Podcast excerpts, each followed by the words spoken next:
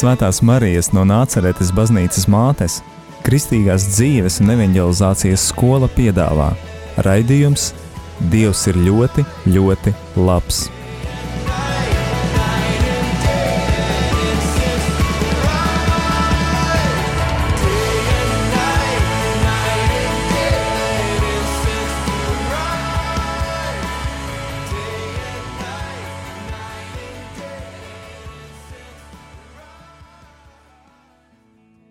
Esiet sveicināti, darbie radio Marija Latvijas klausītāji! Ēterā raidījums Dievs ir ļoti, ļoti labs. Un šeit ar jums šovakar esmu es, Jevgēņīs, un ar kādu ļoti skaistu liecību šovakar dalīsies Anda. Anda pastāstīs gan par to, kā Dievs aizpildīja tukšumu viņas dzīvē, gan par kādu īpašu dziedināšanu, kas notika ar viņas dēliņu. Klausamies! Mani sauc Anna, un es pastāstīšu, kā es sastapu Dievu. Manā vecāmāte mācīja katehēzes, un es no bērnības atceros, kā mēs ar brāli braucām uz baznīcu svētdienās kopā ar viņu. Un tie bija tādi īpaši brīži, jo vienmēr pēc uh, svētās mises mums bija iespēja aiziet nobaudīt kaut ko garšīgu kopā ar vecāmāti. Arī tās pastaigas pa vecrīgus atceros, tās bija tādas bērnības uh, atmiņas, kad ārā bija silta saule un bija tāda laba sajūta pēc, pēc dievkalpojumu. Tad mēs devāmies jā, pabarot baložus vai devāmies pastaigāt. Ļoti mīļas sajūtas par to man bija. Bet es, protams, vairāk devos uz turieni, lai būtu kopā ar vecumātu un lai pēstu kaut ko garšīgu. Tas nebija tāpēc, ka man ļoti gribējās sastapt Dievu. Man tāda izpratne par Dievu patiesībā parādījās nu, ap 30 gadiem. Un pusauģu gados es sapratu, ka man baznīcā neinteresē, man nebija interesanti tur, es nesastapu arī citus jauniešus baznīcā, un man nelikās, ka tā ir tā vieta, kas man var sniegt kaut ko.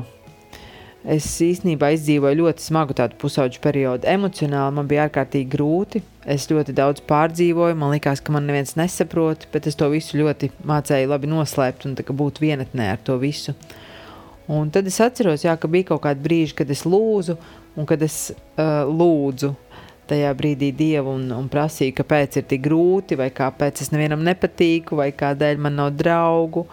Un tādas sāpīgās lietas atdevu viņam tajā lūkšanā.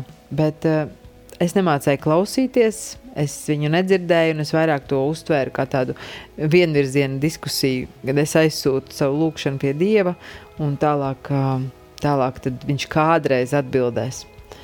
Nu, lūk, un tad viss mainījās patiesībā, tad, kad um, man piedzima jau trešais puika, un mēs ar vīru devāmies ceļojumā uz Austrāliju.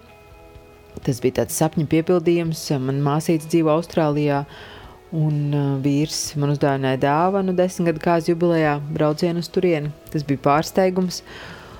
Un tur jau patiesībā tādi pirmie brīnumi notika šī ceļojuma laikā. Mēs, mums nebija vīzes, izrādās uz Austrāliju, tur nebija kaut kas nokārtots, un mēs braucām caur citu valsti.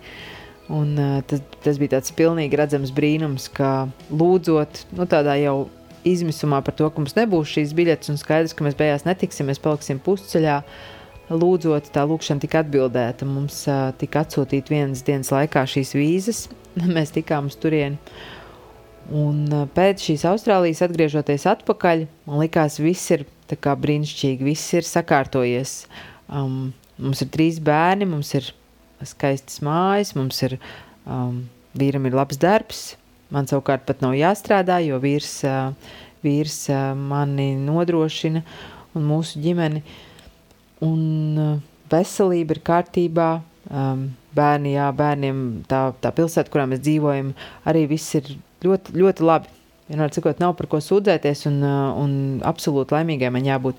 Bet man sirdī bija pilnīgs tukšums. Tāds iekšējs tukšums, ko nevar nu, noraksturot, un nevar arī rast to skaidrojumu tam. Patiesībā es toreiz atceros, ka es sev pat pārmetu un, uh, un uh, raudot, jā, jautāju Dievam, kāpēc, kāpēc es jūtos tik tukša, ja man ir, ja man ir viss tas, un, un varbūt, es esmu nepateicīga nenovērtēju to visu, kas, eh, kas man ir dots. Un es taču esmu laimīga tiešām gan ar vīru, gan, eh, gan, eh, viss pārējais, mēs esam atpūtušies, tikko no ceļojuma ieradušies. Kāpēc man ir šis tukšums un tādas, tādas ilgas pēc kaut kā neizskaidrojama? Un toreiz es to atbildi nesaņēmu uzreiz, bet tagad, skatoties, es saprotu, ka tas bija tas tukšums, kas, man trūka dievs, man trūka attiecības ar dievu, un patiesībā nekas nespēja piepildīt to. Um, lai kāda būtu tava dzīve, lai cik labas būtu tavas uh, attiecības, lai cik skaisti ceļojumi tev būtu, vai cik nodrošināts tu būtu, tu nekad nespēsi saņemt to pilnīgo laimes sajūtu, un vienmēr būs šis tukšums, ja nebūs šīs attiecības ar Dievu. Bet toreiz tas bija kaut kas ļoti tāls, un toreiz es to visu neapzinājos. Un uh, trīs dienas vēlāk notika tāds negaidīts uh, pavērsiens, ka mans dēls saslima jaunākais, viņam bija pusotrs gadiņš, un viņš saslima ļoti, ļoti smagi. Patiesībā es tajā brīdī neapzinājos, cik tas ir smagi. Pirmās dienas, pirmās divas, trīs dienas viņš vienkārši uh, nu, gulēja, jo viņš bija jā, jutās ļoti novārdzis un vārgs. Un tad nākamās trīs dienas jau viņš uh, burtiski sāka gan murgot, gan principā necēlās gan, gan drīz. Un bija tādi padomdevēji apkārt, kas, kas teica, liecies mierā, bērnam ir jāizguļ, viņš ir slims. Un, un, bet tad, jā, brīdī, kad viņš atteicās jau no mūtenēm un principā vienkārši gulēja cauri dienas, es sapratu, ka ir jādodas tomēr uz slimnīcu. Jo nekāda redzama tāda iemesla, izņemot temperatūru augstu, nebija. Viņam nebija ne klepus, nekādas citas lietas. Un vienmēr cikot slimnīcā mūs uh, ilgi, ilgi neuztvēra arī nopietni un teica, ka tas varētu būt kāds ausu iekaisums vai, vai kāds cits. Mm, ierastas um, slimības. Bet um, tajā brīdī, kad trīs dienas bija pagājušas, jau arī slimnīcā ārste redzēja, ka tas stāvoklis neuzlabojās un patiesībā nevienam nav ne jausmas, kas ir noticis. Un tad mums pārved uz neiroloģijas nodaļu. Neiroloģijas nodaļā sāka veikt šos visus izmeklējumus, um, gan mūs veda uz um, biopsiju, kur bija man jāparakstās atļaujas, ka, ja gadījumā kaut kas notiek, es uzņemos šo atbildību. Un tas bija viss tādā ātrumā, magnētiskā rezonanses narkozē un viss pārējais, un, un pēkšņi viss tā tādā pātrinājumā notika. Un es toreiz runāju ar ārstu, un es ārstē jautāju, ja jūs man teiktu um, un skaidrotu vienkāršiem vārdiem, cik slims ir mans dēls, tad no 1 līdz 10, ja 10 ir vēzis, tad cik slims viņš ir. Un viņi man teica, ka 9. Tajā brīdī es apjautu, cik nopietni tas viss ir. Un tad bija tāda nakts, kas izmainīja manu dzīvi Um, tajā naktī es biju viena pati ar viņu. Viņš gulēja man blakus, uh, nu, blakus gultiņā. Un viņš principā bija jau saslēgts pie tiem visām sistēmām, un, uh, un ar maniem viņš nebija runājis jau trīs dienas. Uh, viņš vienkārši gulēja visu laiku, līdzīgi kā komā, tikai viņš bija pie samaņas. Viņam nebija vajadzīga šī aparāta elpināšanas, bet principā nebija izskaidrojums, kas tas ir. Un, uh, un es tajā vakarā uh, raudāju tā kā nekad mūžā. Es biju noraudājusi tik daudz stundu, ka man vairs nebija spēka raudāt. Un tad es atceros, es ņēmu rožkroni un lūdzu rožkroni. Un rožkroņa laikā kaut kas pamainījās manā sirdī un arī mm, domāšanā. Es sākumā lūdzu, lai Dievs viņu dziedina, lai viņš tiek izārstēts, lai viņš atdod man dēlu, un, un visas šīs lietas, pēc kā man mātes sirds tik ļoti ilgojās. Bet lūkšanas beigās es toreiz teicu, un kaut kā tas nebija no manis, tas bija tā pārdabiski, kad es teicu, ka es dievam atdodu viņu. Tas ir viņa bērns. Un, ja viņš man viņu ir dāvājis, tad viņam ir tiesības viņu arī paņemt.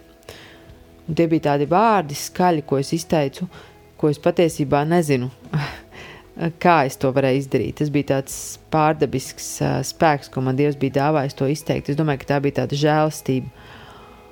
Un tad es aizmigu ar rožu kroni rokās, es atceros, un no rīta es pamostos, un es redzu, kā mans dēls sēž gultiņā un sēdēs. Viņš nebija, man liekas, jau nu, teju nedēļu. Viņš sēž gultiņā, uz viņu spīd tāda saules stari no loga, tādi stari, kas iznāk arī no Jēzus, um, šī žēlsirdīgā Jēzus attēla. Un tādi stari ir pār viņu, um, un viņš spēlējās ar savām pēdām, spēlējās ar pirkstiņiem. Un es nespēju saprast, man liekas, ka es sapņoju, un, un tajā brīdī, kad es ar viņu sāku uh, nu, runāt, viņš man saprot, viņš man atbild, atsaucās. Jo ļoti daudz ārstu uzskatīja, ka tas ir iespējams smadzeņu bojājums, un, un tāpēc tika veikts šīs magnētiskās rezonances, un ka nekas nebūs vairs atpakaļ tā, kā tas bija. Un tur bija daudz tādu izteikti minējumi, kas man nu, ārkārtīgi arī pārbiedēja un sāpēja. Tajā brīdī, kad es viņu noliku uz zemes, viņš arī staigāja. Viņš varēja pastaigāt. Un, un pēc divām dienām viņš bija pilnīgi vesels nu, viņš bija atguvies, teiksim, atguvis arī spēkus, jo sākumā viņam nebija spēks staigāt. Visi ārsti nāca un viņu fotografēja un filmēja un brīnījās un jautāja, kas ir noticis, kas ir uh, izdarīts, kādas zāles ir dotas. Bet medicīniski tas nebija neizskaidrojams, nepierādāms. Un arī tajā brīdī, kad mēs no slimnīcas rakstījāmies ārā, ārsti teica, ka viņi gribētu, lai mēs pēc kāda laika atnākam vēlreiz veicam magnētisko rezonanci, lai viņi varētu pārbaudīt un salīdzināt un saprast, jo viņi nesaprot, kas bija noticis. Nu, lūk, tas bija tas stāsts, kad es patiesībā pēc tam Dievam arī teicu šajā lūkšanā, ka es esmu gatava viņam kalpot visu mūžu. Un šobrīd es redzu, ka tas viss ir apgriezies otrādi. Nevis es viņam kalpoju, un, un es esmu viņam kā, teiksim, noderīga, bet tajā mīlestībā, ko viņš man dāvā, nav iespējams nemaz to nedarīt, jo to gribās dot atpakaļ. Un tā mums izveidojās pirmā, pirmā satikšanās – toreiz ar viņu. Un kopš tā laika es uh, lēnām sāku viņu iepazīt. Tā iepazīšana patiesībā bija nu, tāds ilgstošs process, kas vēl aizvien notiek. Jo sākotnēji es viņu iepazinu uh, un pieņēmu kā draugu, kā cilvēku, kam var uzticēties, vēlāk jau kā tēvu, tad arī kā brāli. Nu, un, un, un vēl aizvien es varu teikt, ka tā, tās mūsu attiecības ir pašā, pašā sākumā jo viņš ir bezgalīgs, viņš ir neizmērojams, un tie dziļumi, kādus ir iespējams piedzīvot, ticot un attiecībās ar viņu neizstāstām. Es esmu izgājusi cauri tuksnesim, kad man šķiet ir tāds tukšums, tāds sausums, kad es vairs viņu nedzirdu, un tās manas bailes palikt bez vairs šīs mīlestības, ko tu esi vienreiz piedzīvojis, ir bijušas ļoti spēcīgas un ļoti reālas es esmu piedzīvojis tādu prieka sajūtu, kādu nekad un nekas pasaulē nevar sniegt. Um, tās ir tādas emocijas un nožēla, arī ko tu jūti, ka tev no sirds šīs nožēlas un, un grēku nožēlas, ko tu savā dzīvē darījis, pirms tam nāk, tā ir arī kā tāda žēlstība. Tiešām aizkustinoši, cik šajā situācijā skaisti sevi parādīja Dievs Andas dzīvēm Un, un pirms dzirdam to, kā tālāk attīstījās Andas attiecības ar Dievu, neliela muzikāla pauze.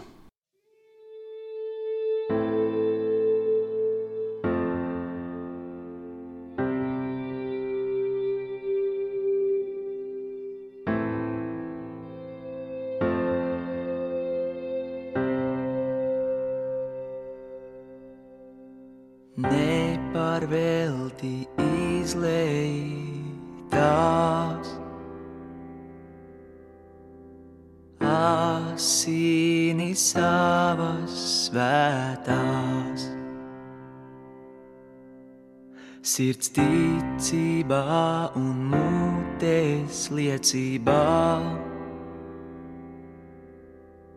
Šīs krusta koks no dzīvību man Svētais, svētais Dieva jērs, cienīgs ir tas vārds, kurš mīra un augšām cēlās Jēzus. Svētais, svētais Dieva jērs, cienīgs ir tāds vārds, kurš mīra un augšām cēlās.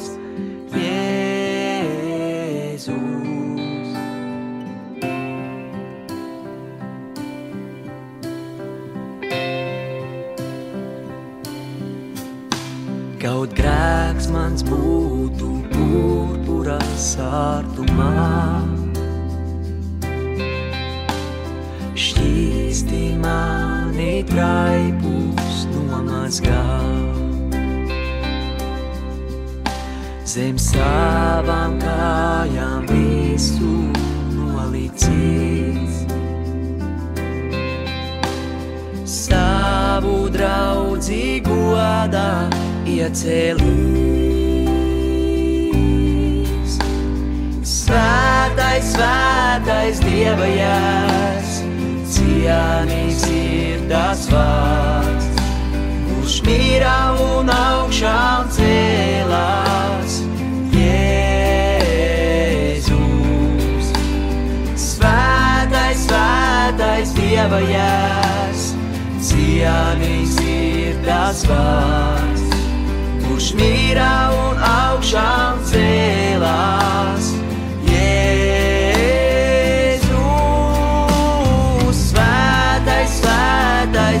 Svētais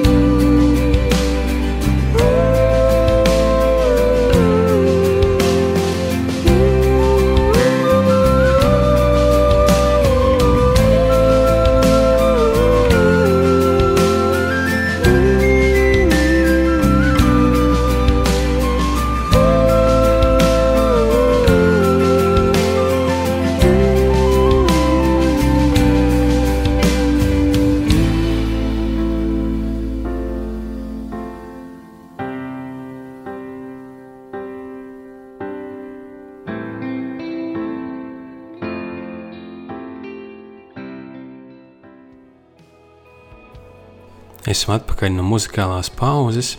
Skan raidījums Dievs ir ļoti, ļoti labs.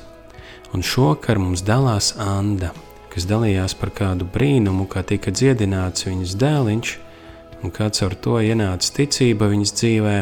Un tagad viņa liecinās par to, kas tad dzīvē kopumā pamainījās. Kopš tajā atgriezās Dievs. Un patiesībā pēc šī laika es varu teikt, ka manā dzīvē, kopš es ielaidu Dievu savā dzīvē, manā dzīvē ir mainījies pilnīgi viss. Visa realitāte, nerunājot nemaz par garīgo pasauli. Um, Man nomainījās darbs, es atradu darbu, kas vienmēr ir bijis manā sirdī. Es strādāju šobrīd Katoļu baznīcā ar jauniešiem, un es vienmēr, tad, kad es biju jaunāka, uh, maniem klases biedriem bija kaut kāda veida sapņi vai mērķi. Viņi būs zobārsti vai, vai firmas vadītāji, vai viņi grib mm, strādāt, ar, um, strādāt ar bērniem vai citas lietas darīt. Un man nekad sirdī nebija tādas lietas, un es nekad nevarēju skaidri pateikt, ka es būšu skolotāja, es būšu ugunsdzēsējs, vai es būšu vēl, kā, vēl kādu citu profesiju pārstāvēšu.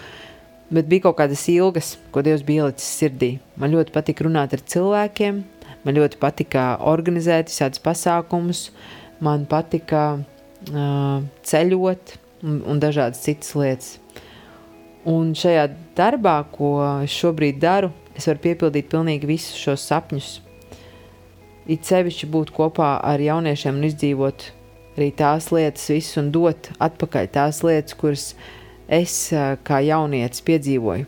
Tieši saprast šo viņu tukšumu, saprast šo viņu izmisumu, jā, spēt vienkārši stāstīt un par Dievu kā par vienīgo risinājumu, kas to var aizpildīt, lai viņiem nebūtu jāpiedzīvo um, teiksim, tās visas sāpes un ilgas, bet Dievs šobrīd jā, ļoti, ļoti spēcīgi runā uz jauniešiem un vispār kopumā uz cilvēkiem. Man liekas, ka, ja mēs klausamies, mēs viņu varam dzirdēt tik labi un skaidri, tikai ir jābūt šai sirdī atvērtai. To es atceros no bērnības, kad katedrālē bija uzrakstīts, Uh, šis uh, uzraksts uh, šodien, kad Dieva balss dzirdat, nenocietiniet savas sirdis. Un par šo darbu runājot, es nekad nevarēju saprast pati un salikt kopā, kas ir tas, kur es varētu būt noderīgi, kas ir tas, ko es gribētu darīt. Un toreiz no Austrālijas braucot, man māsīca iedeva divas grāmatas, 12 dzīves stāsti un mērķiecīga dzīve.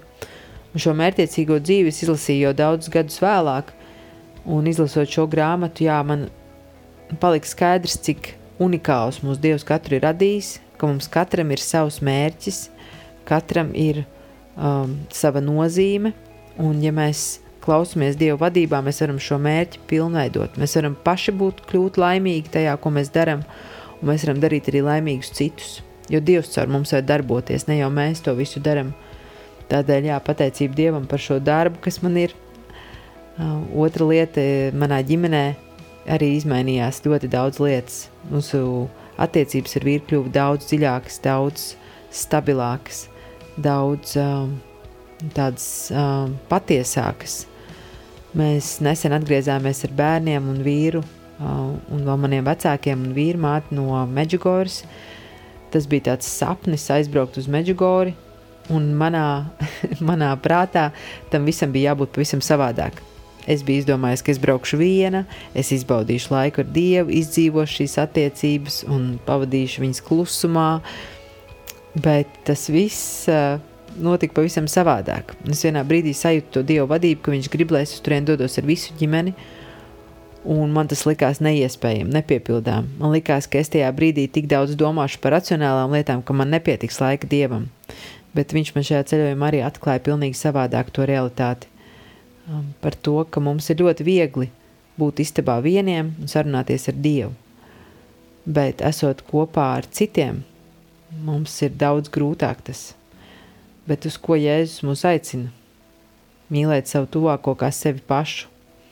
Un, eh, ja šajā laikā līdz tam es ļoti mācījos mīlēt sevi pašu, man tas bija ļoti grūti pieņemt eh, un arī atteikties no daudziem meliem, ko es esmu dzīves laikā gan dzirdējusi par sevi, gan pati pieņēmusi kā patiesību, tad šajā ceļojumā es varēju sākt domāt par to, ir, par to kā ir mīlēt savu tuvāko.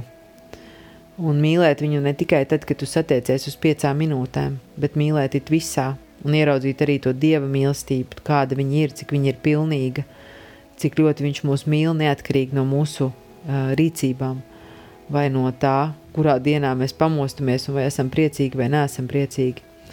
Nu, tas bija kaut kas ārkārtīgi skaists, un, uh, un es Dievam esmu tik ļoti pateicīga, ka to es varēju piedzīvot kāpt šajā krusta kalnā kopā ar bērniem, ar vīru un ar vecākiem un vīrmāti. Un katrs kāpa ar savām domām, katrs kāpa ar savām lūkšanām, bet visā mēs bijām vienoti. Un es zinu, ka tā bija Dieva žēlstība par manu ģimeni. To cilvēciski nebūtu bijis iespējams ne norganizēt, ne izplānot, ne izdarīt. Viņš man ir mainījis attiecības ar eh, maniem draugiem. Viņš man ir dāvājis pēdējo gadu laikā tik daudz jaunu cilvēku, tik daudz jaunu attiecību, ar, no kurām es tiešām spēju burtiski iegūt um, pārliecību par to un sajust to dievu mīlestību. Man ir jaunas draudzenes, tādas tiešām sirds draudzenes. Man ir uh, ļoti labi uh, cilvēki kā mentori, no kuriem es varu mācīties, kuros es varu klausīties un augt. Nu, patiesībā tās visas attiecības ir izmainījušās, un man šobrīd ir pilnīgi citu cilvēku pulks apkārt, bet tādi cilvēki, ar kuriem man ir interesanti runāt, ar kuriem es vēlos pavadīt laiku, un kuri, jā, kuri, kuru vērtības ir nu, tādas ļoti līdzīgas manām vērtībām. Grūtākais laikam šajā laikā visā ir bijis iemācīties paļauties, paļauties uz Dievu un saprast, ka Viņš nav tāds, tādi cilvēki, kā nu, Viņš nav salīdzināms ar cilvēkiem, kas ir apkārt ka Dievs ir pilnīgi savādāks un tu uz viņu vari paļauties, noticēt tam. Jo kamēr nebija šī paļāvība, tikmēr bija ļoti grūti atdot gan kontroli, gan visu pārējo par manu dzīvi. Man vienmēr likās, ka man ir jākontrolē lietas, un ja tās lietas netiek kontrolētas, viņas nenotiek. Un tā bija tāda domas maiņa tajā brīdī, kad es sapratu, ka patiesībā vīrs, tā kā Bībelē ir teikts, ir tas, kurš valda pār sievieti man tas bija ļoti grūti. man tas nācās ļoti grūti, jo es tiešām savā pārliecībā arī domāju, ka es virzot kaut kādas lietas uz priekšu, daru labu. Un ka man ir jāuzņemās daudzās lietās iniciatīva vai, vai jādara šīs lietas. Tad bija gadījums, kad es atceros, es saslimu ar covid. Es izslimoju viņu, un likās, ka salīdzinoši viegli bija trīs dienas temperatūra, bet pēc tam bija salīdzinoši labi. Un jau pēc šīs izslimošanas fāzes mēs ar dēlu nolēmām braukt ar riteņiem. Un es ņēmu savu riteni un cēlu uz jumta pagāžnieku augšā uz, uz mašīnas. Un, ja vienmēr es to varēju izdarīt vispār bez problēmām, jo es sev vienmēr esmu uzskatījis par spēcīgu cilvēku, un, un es taču varu, tad šajā brīdī es viņu nevarēju pacelt augstāk par, savu, par saviem pleciem. Man rokas fiziski trīcēja. Un es nesapratu, kas notiek. Es domāju, nu, es pilnīgi burtiski nevarēju aptvert to, ka pēkšņi es esmu vāja. Un man bija jāiet pie sava vīra, jālūdz viņam palīdzību. Un cik tas bija grūti, man likās, nē, es taču varu pati, es varu visu pati, jo, ja es lūgšu šo palīdzību, tad es uh, pazemošos, tad es parādīšu, cik es esmu vāja, cik es esmu ievainojama. Um, tas bija tāds jā, pirmais solis, kad es to darīju. Vēlāk es izlasīju grāmatu, sievietes aicinājums, lielisku grāmatu. Un jā, Dievs ir izmainījis šo aspektu, ka es kā sieva varu būt nevis pazemota verdzībā vai vēl nezinu kādā formā, nu jā, būt pazemotai, bet tādā pazemībā mīlēt. Un caur šo pazemību un mīlestību vīrietis arī var plaukt. Viņš tajā brīdī jūt savu piepildījumu, kam viņš ir radīts, kam viņš ir vajadzīgs šajā pasaulē, jo viņš ir tas, kuram ir jārūpējas, viņam jādod šī iespēja rūpēties. Un uh, es laikam varētu stāstīt un stāstīt visas tās lietas, ko Dievs ir mainījis arī pie maniem bērniem, ar attiecībām mūsu starpā. Tajā brīdī arī, kad sākās Covid divus gadus atpakaļ vai trīs jau, tad uh, mums tēt, tētis gāja uz darbu katru dienu, un, uh, un es biju tādās bailēs un ļoti lielā uztraukumā par to. Un mēs vienkārši sākām lūgt kopā vakarā. Mēs sākumā skaitījām 91. psalmu, un pēc tam sākām lūgt. Un tas patiesībā pārveidoja mūsu attiecības. Jo, ja vienā brīdī bija tā, ka mēs atnākot mājās, katrs aizgājām uz savu istabu, un mēs kopā, jā, mēs pusdienojām kopā, bet lielākoties tas bija tādas, tādas nu, it sevišķi ikdienā, darba dienās, tas bija, tas bija katrs bija savā stūrī, katrs savā nostūrī. Tad šeit, šajā lūkšanas brīdī, mēs beidzot sanācām kopā un mēs beidzot runājām par lietām. Jo mēs sākotnēji vienkārši lūdzām, pēc tam mēs dalījāmies ar tām lietām, par ko mēs esam pateicīgi. Un ar laiku bērni sāka stāstīt šīs lūkšanas laikā tās lietas, kas viņiem sāp, vai kas viņiem sāp skolā, vai kas ir viņu draugiem problēmām. Un mēs sākām lūgt par to kopā, un tas izveidoja mūsu attiecības daudz īstākas, patiesākas un dziļākas. Tāpēc es esmu ļoti pateicīga Dievam šobrīd par tām attiecībām, kādas man ir ar bērniem, mm, par to, ka viņi uzticās, par to, ka viņi nāk un stāsta, par to, ka viņi nebaidās runāt, un viņi nebaidās lūgt, par to, ka viņi pazīst Dievu, ka viņi ir iepazinuši jā, caur, šiem, caur šiem maniem, teiksim, caur manu, kā es esmu izmainījusies, viņi ir iepazinuši Dievu, viņi redz to, ka viņš ir dzīvs un ka viņš uh, maina cilvēkus, maina gan sirdis, gan, uh, gan pašus cilvēkus. Nu, un tas, kas uh, šobrīd, tur, kur es esmu šobrīd, es zinu, ka es noteikti negribētu atgriezties tajā, kā bija. Man šobrīd ir tāds, tāda vadība no Dieva puses un tāda mīlestība no Viņa puses, kur es cenšos izdzīvot katru dienu tajā brīdī, kad es nepalieku atkal stūrgalvīga un lepna, ka es varu kaut ko izdarīt pati, man nekas cits neatliek kā lūgt viņu, turēties pie viņa, sekot viņa padomiem, un svētā gara vadība ir kaut kas tāds, ko es esmu ie, iepazinusi, un bez kā es vairs nespēju iedomāties savu dienu. Tas ir gan sākot no maziem tādiem pamudinājumiem, kādam uzrakstīt tajā dienā vai kādam pazvanīt, un kad šis cilvēks pēc tam ap, apstiprina to, ka viņam ir bijis tieši grūti tajā brīdī un viņam ir bijis vajadzīgs kāds atbalsts. Tas ir vadība caur to, kādā veidā darbus darīt, kādā veidā strādāt. Tāpēc es esmu tik pateicīga par šo darbu, jo nevienu dienu es nevaru pavadīt vai izlemt kaut kādas lietas, ja tas nav lūkšanā ar Dievu. Kas man ir tās lietas, kas man ir jādara. Jo es esmu tik daudz reizes piedzīvojis to, ka bez viņa patiesībā nav nekādi augļi, un bez viņa mēs varam sacelt gaisa pilis, mēs varam izdarīt ļoti daudz cilvēciski, bet tas viss būs tukšs, tas viss būs liekas un tas viss sabruks kādā brīdī, ja tam nebūs Dieva svētības. Tāpēc jā, tas ir, tas ir, tā ir viņa vadība katru dienu un, un ikdienu. Tāpēc, jā, pateicība Dievam, es katram novēlu tiešām viņu sastapt, viņu iepazīt personīgi, klauvēt, klausīties un jā, saņemt visas tās žēlstības, kas patiesībā jau ir sagatavots. Jo viss jau ir sagatavots, viss ir jau uzklāts. Mums ir tikai jāiet un tas jāsaņem. Raidījums ir izskanējis. Paldies Andai par liecību.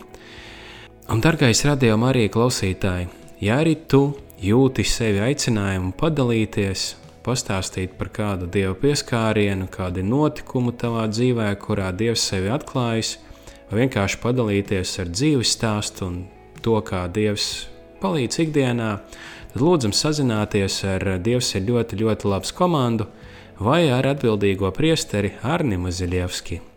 Un es šodien no jums atvados, ar jums bija Jevgēnijs, lai jums jauka diennakts stunda un atceramies, ka Dievs ir ļoti, ļoti labs.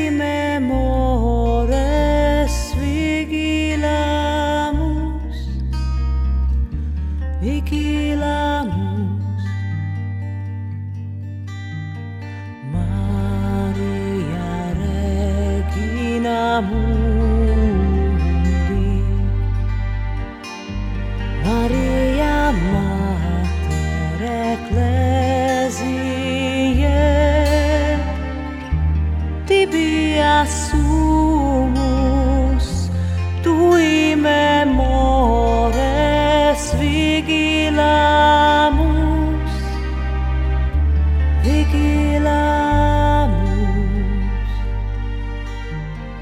Maria Regina Mundi, Maria Mundi.